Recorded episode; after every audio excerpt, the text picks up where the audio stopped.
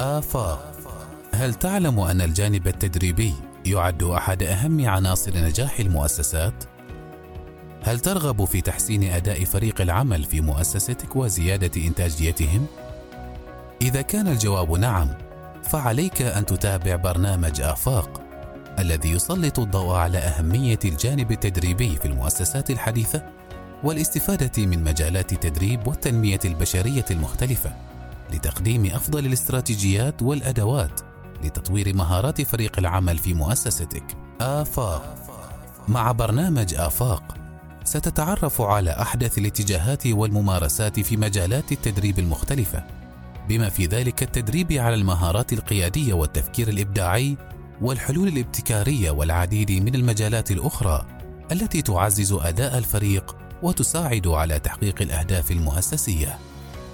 آفاق انضم إلى برنامج آفاق على إذاعة الصمود واكتشف كيف يمكن أن يكون التدريب والتنمية البشرية عاملين حاسمين في تحقيق النجاح والتقدم لمؤسستك.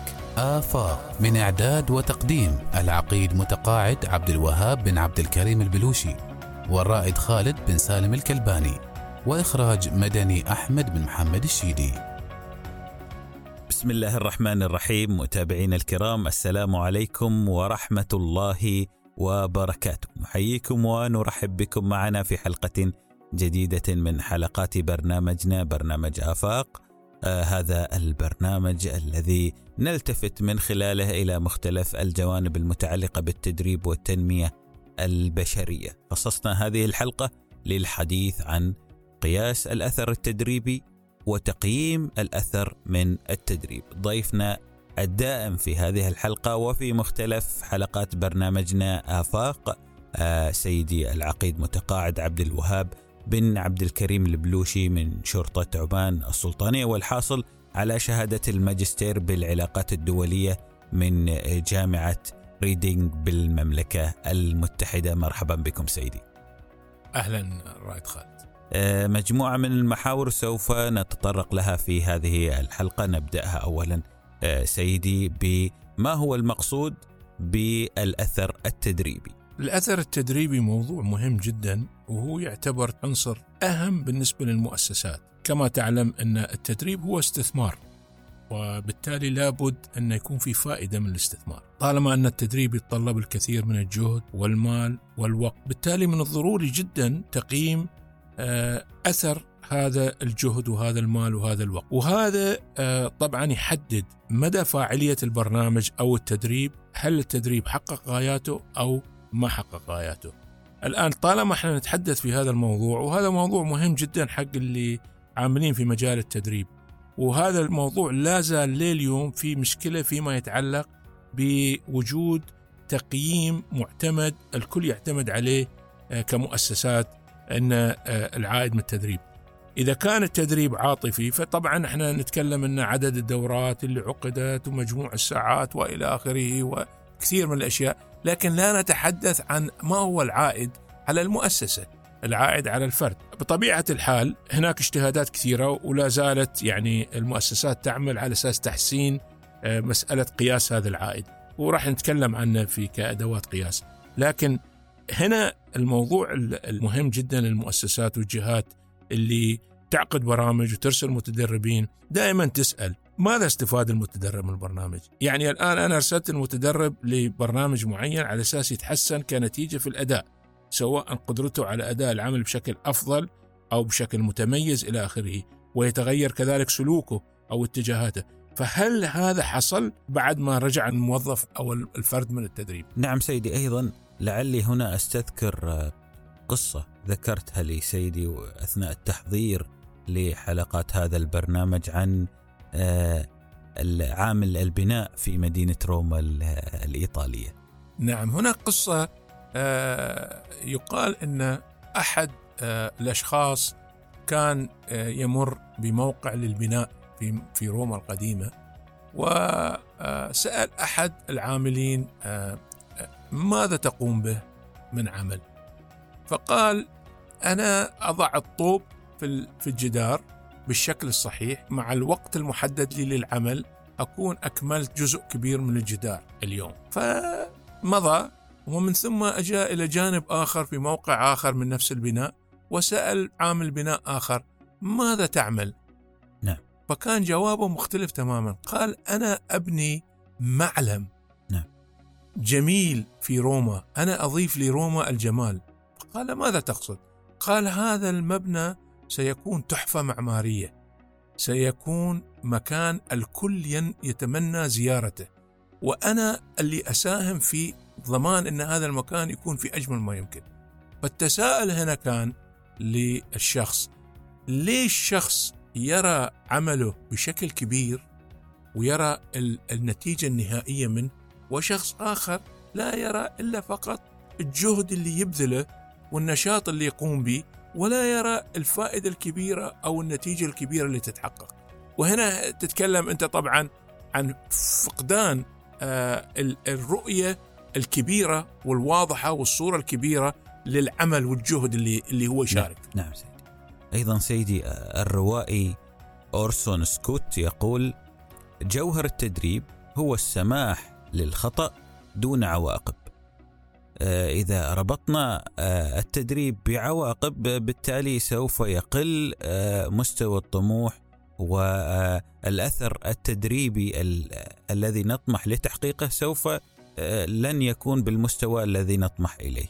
لكن هنا السؤال ما هي أدوات القياس؟ الخاصة بهذا الأثر التدريبي سؤالك في مكانه لابد أن يكون في أدوات للقياس يعني إحنا الآن ننفذ برامج تدريبية ومن ثم من بعد هذه البرامج التدريبية نريد نلمس تحسن، نلمس تطور، نلمس إضافة. فطبعا هناك أدوات القياس متعددة ومختلفة ومن كل جهة ومن مؤسسة تستخدم نوع من القياس.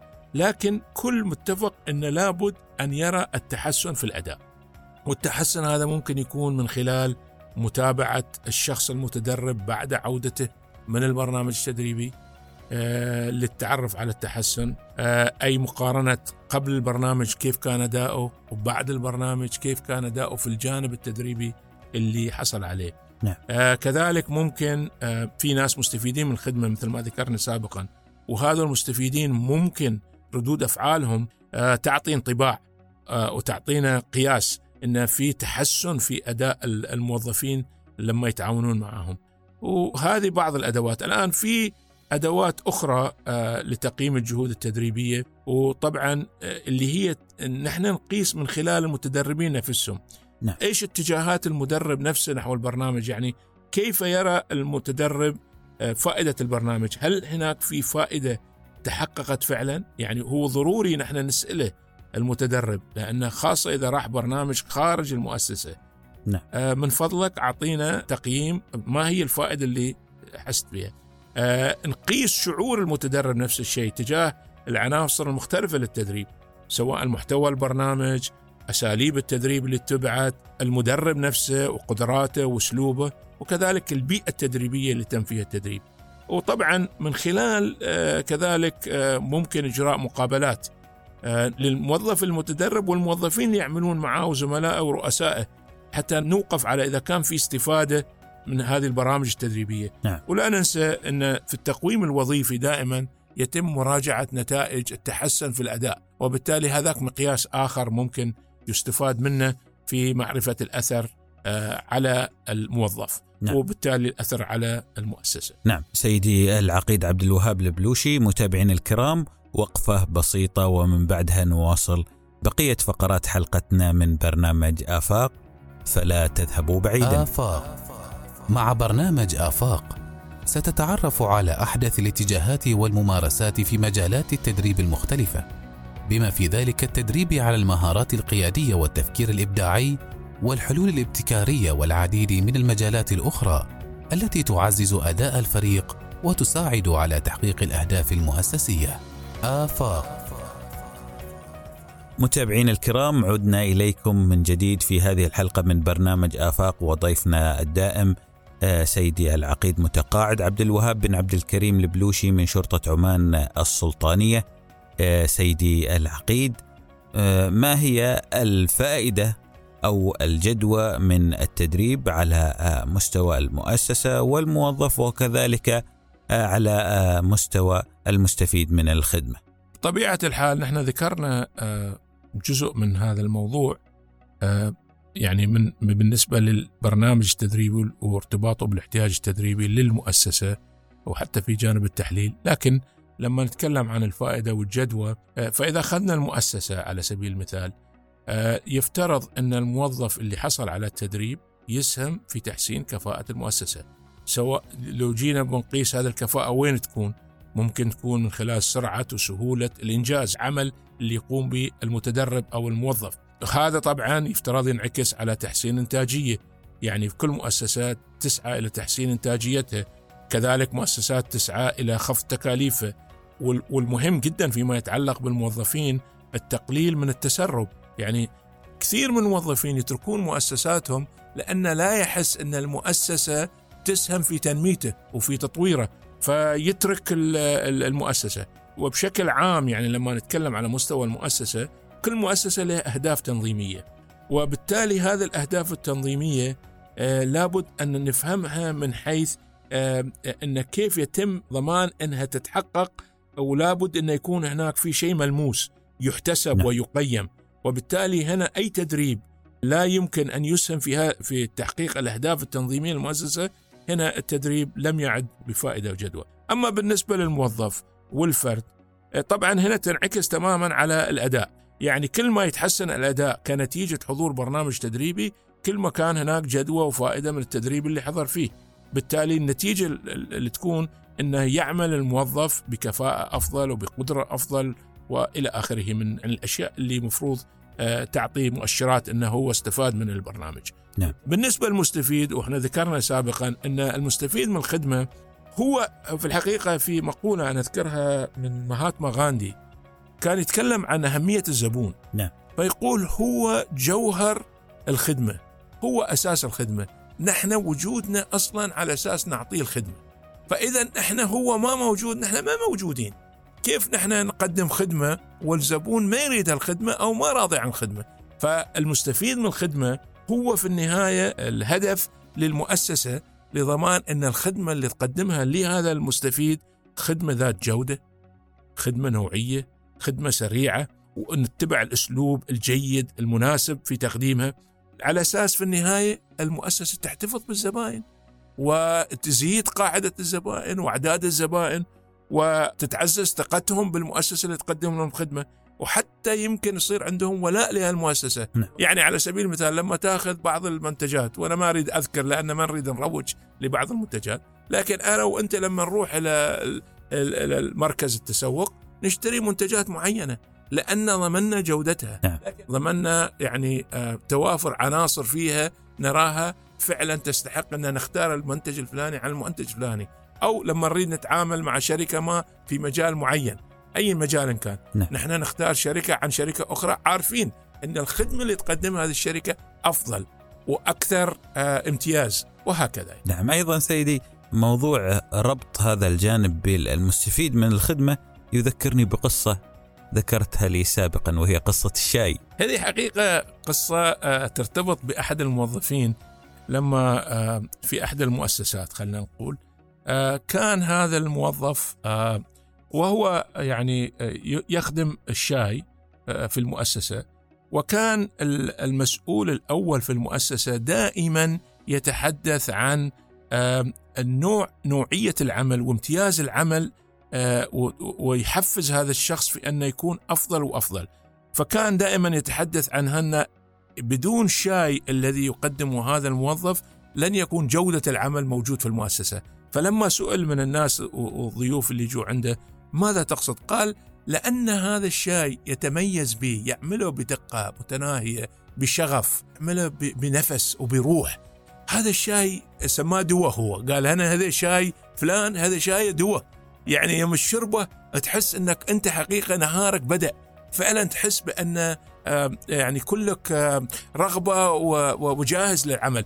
فالموظف كنتيجة اللي كان أو العامل اللي كان يقدم هذا الشاي كان يحس بفخر واعتزاز بالمؤسسة ويحس بقيمته وقيمة العمل اللي يقوم به ويحس إنه هو مصدر نجاح أو جزء من نجاح هذا العمل في هذا المؤسسة.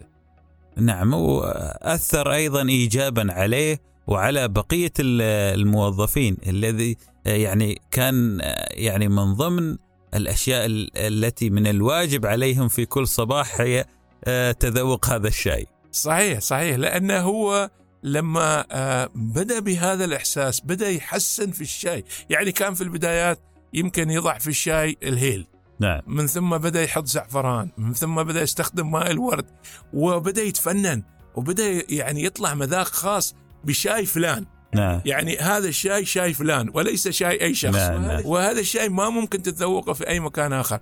فصاروا فعلا الموظفين يتلهفون لشرب شاي فلان ودائما يقولوا لا مشي غير شاي فلان. فهو كان يعني حقيقة نعم. يوميا متحفز يجي للعمل ويحس بمتعه أثناء العمل ويحس بأثناء قيمة في العمل. وهكذا يفترض يكون في المؤسسات.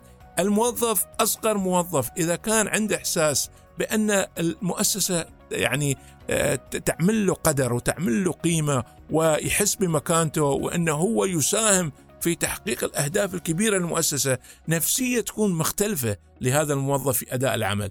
لكن إذا آه، العكس يعني لما المؤس الموظف لا يحس بتقدير لعمله وتشجيع واعتراف بأهمية عمله آه، طبعا طبيعته بتكون مختلفة وعطائه بيكون مختلف. نعم لعل هذا الجانب أو هذه القصة تقودنا لجانب مهم وهو أهمية التحفيز والتنمية أيضا البشرية في أي عمل كان. آه، سيدي نصل للفقره الخاصة بمشاركة المتابعين متابعين البرنامج آه، المشاركة الأولى التي اخترناها آه، لهذه الحلقة كانت من محمد رجب الذي يقول السلام عليكم ورحمة الله وبركاته كيف أنشط رغبة المتدربين على التفاعل مع البرنامج التدريبي في سبيل الوصول إلى أقصى درجات الاستفادة. سؤال جميل وجيد حقيقة ومهم في آن واحد. آه، بطبيعة الحال هذا أكثر السؤال يدور في ذهن المدرب. لأن المدرب يهمه جدا أن المتدرب يتفاعل. آه، لأن إذا تفاعل مثل ما هو يسأل سيصل إلى أقصى درجات الاستفادة. هذا يعني أن لابد أن نعرف أن المتدربين أنواع. فالمتدربين يعتمد هنا على البرنامج التدريبي ويعتمد وين يعقد البرنامج التدريبي. فعلى سبيل المثال لو افترضنا أن هذا البرنامج التدريبي في مؤسسة تدريبية خارج المؤسسة اللي يجي منها المتدرب. المدرب في الجهة هذه اللي ينفذ لا يعرف سبب وجود المتدرب الحقيقي لهذه الدورة. قد يكون على سبيل المثال المتدرب ابتعث إلى برنامج تدريبي هو في الحقيقة لم يعطى إيجاز كامل عن هذا البرنامج التدريبي وماذا يتوقع منه أو يأتي في وقت غير مناسب مع ظروف الموظف أو الذي يبتعث. فبطبيعة الحال لما يروح يحضر البرنامج التدريبي ما يكون في أحسن حالاته الذهنية أو النفسية. المدرب حريص كل الحرص أنه هو يقدم الأفضل يوصل للأفضل. آه المدرب لابد أنه هو يعرف آه نفسية المتدربين يعرف ماذا يعيق التدريب ويضمن أن هذه الجوانب تؤخذ بالاعتبار في تقديم البرنامج وبالتالي الطريقة اللي يقدم فيها البرنامج يضمن أن في تفاعل مع المتدربين. آه، ضمان وجود تفاعل بدل ما تكون مجرد آه، يعني أكثر تقديم معارف وبشكل قد يكون رتيب وممل سيف معظم المتدربين. لابد أنه هو يتنوع في استخدام الوسائل. سواء البصرية يعني الحسية. لابد أنه هو يفتح المجال للأسئلة والتفاعل. لابد أن يتعامل مع المتدربين بشكل يجعل المتدرب شغل ذهنيا بالموضوع اللي, المدرب يقدمه. آه، وإلا سيفقد آه، جزء كبير من المدربين. وفي كل الأحوال ترى في كل البرامج التدريبية آه، نسب كبيرة من المتدربين ما بالضرورة يكون تحصيلهم نفس المستوى. يعني في نسب تحصل يعني للمدرب إذا حصل 50% من المتدربين حصلوا على نسبة كبيرة أو وصلوا إلى الأهداف هذا انجاز كبير. في الحقيقة يعتمد على البرنامج التدريبي ونوع البرنامج التدريبي المكان التدريبي المادة وإلى آخره. لكن آه، ضروري نرجع ونعود ونقول للأخ محمد رجب الرغبة تتنشط عند المتدرب لما يرى أن مكان التدريب وطريقة التدريب واسلوب التدريب يسمح له بالتفاعل يسمح له بالمشاركة يسمح له أنه هو ياخذ راحته في توجيه الأسئلة في التوسع في الأسئلة كذلك.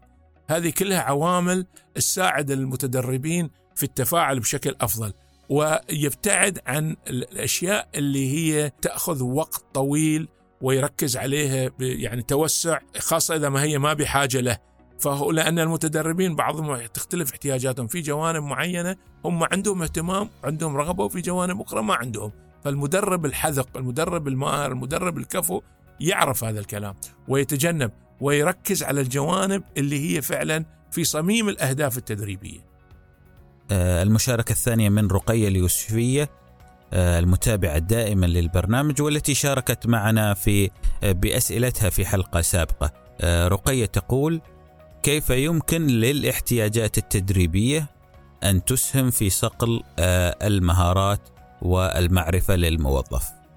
بطبيعة الحال ذكرنا سابقا أن نحن نعرف مستوى المهارة الحالية عند الموظف والمستوى المعرفي الحالي للموظف قبل أن نلحقه بالبرنامج التدريبي.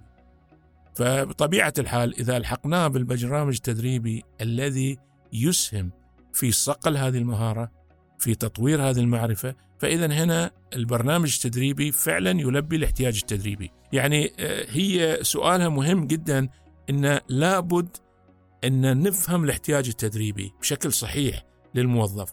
وإذا عرفنا هذا الاحتياج التدريبي بشكل صحيح فسنلحقه بالبرنامج التدريبي اللي فعلا يلبي هذا الاحتياج التدريبي. وبطبيعة الحال راح تتحقق آه، عملية صقل المهارة، تطوير المهارة، اكتساب المهارة الجديدة وزيادة المعرفة والوعي والإدراك آه، بالدور أو الوظيفة أو النشاط اللي يقوم نعم سيدي، اذا في هذه الحلقة آه، التي خصصناها للحديث عن قياس الأثر التدريبي وتقييم الأثر من التدريب تحدثنا عن ما هو المقصود بالأثر التدريبي وكذلك ما هي آه، أدوات القياس الخاصة بالأثر التدريبي وما الفائدة أو الجدوى من التدريب على المؤسسة والموظف وكذلك آه، على المستفيد من الخدمة.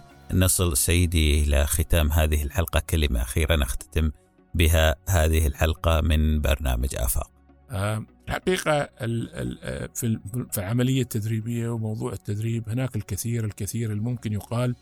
ومثل ما ذكرت أنا في البداية يعني أو في حلقة سابقة أن لابد يعرف المستمع الكريم أن نحن نتناول آه، بعض الموضوعات بإيجاز وبتبسيط آه، بدون الدخول في التفاصيل الكثيرة اللي يمكن يهتم فيها الشخص المتخصص. لكن أعيد وأكرر أن آه، التدريب المهم في أنه يتم بمنهجية صحيحة. آه، المنهج العلمي إذا اتبع في التدريب سيضمن أن الفائدة تتحقق من التدريب. أما إحنا نعقد برامج تدريبية من أجل عقد برامج تدريبية آه، أعتقد هذا آن الأوان لكل المؤسسات يعني أن تبتعد عنه. آه، تضمن أن البرامج التدريبية التي تعقد هي في حقيقة حاجة حقيقية وحالية ومستقبلية للمؤسسة. بالتالي تضمن أن كل من يشارك بالبرامج التدريبية يستفيد ويستفيد استفادة فعلية تنعكس على الفرد وعلى الموظف وعلى المستفيد وعلى المؤسسة. نعم. آه شكرا لكم سيدي. شكرا لك رائد خالد إذا قبل الختام نذكركم متابعينا الكرام أنه بإمكانكم تسجيل استفساراتكم وتعليقاتكم على كل ما يتعلق بالتدريب أو التنمية البشرية وكذلك أسئلتكم حول موضوع حلقتنا القادمة بشكل خاص والتي سنتطرق من خلالها عن آه، التطوير والكفاءة. آه، تسعدنا مشاركتكم معنا من خلال رسائل الواتساب على 72 770 770 أو من خلال التعليق على تغريداتنا على حسابينا آه، على موقعي تويتر والإنستغرام. موعدنا معكم يتجدد يوم الخميس المقبل عبر أثير إذاعة الصمود لقوات السلطان المسلحة. وفي الختام هذه تحياتي الرائد خالد بن سالم الكلباني وتحيات مخرج البرنامج مدني أحمد بن محمد الشيدي. دمتم في رعاية الله. والسلام عليكم ورحمة الله وبركاته. آفاق هل تعلم أن الجانب التدريبي يعد أحد أهم عناصر نجاح المؤسسات؟ هل ترغب في تحسين أداء فريق العمل في مؤسستك وزيادة إنتاجيتهم؟ إذا كان الجواب نعم فعليك أن تتابع برنامج آفاق الذي يسلط الضوء على أهمية الجانب التدريبي في المؤسسات الحديثة والاستفادة من مجالات التدريب والتنمية البشرية المختلفة. لتقديم أفضل الاستراتيجيات والأدوات لتطوير مهارات فريق العمل في مؤسستك. آفاق مع برنامج آفاق ستتعرف على أحدث الاتجاهات والممارسات في مجالات التدريب المختلفة بما في ذلك التدريب على المهارات القيادية والتفكير الإبداعي والحلول الابتكارية والعديد من المجالات الأخرى التي تعزز أداء الفريق وتساعد على تحقيق الأهداف المؤسسية. آفاق انضم إلى برنامج آفاق على إذاعة الصمود واكتشف كيف يمكن أن يكون التدريب والتنمية البشرية عاملين حاسمين في تحقيق النجاح والتقدم لمؤسستك. آفاق من إعداد وتقديم العقيد متقاعد عبد الوهاب بن عبد الكريم البلوشي والرائد خالد بن سالم الكلباني وإخراج مدني أحمد بن محمد الشيدي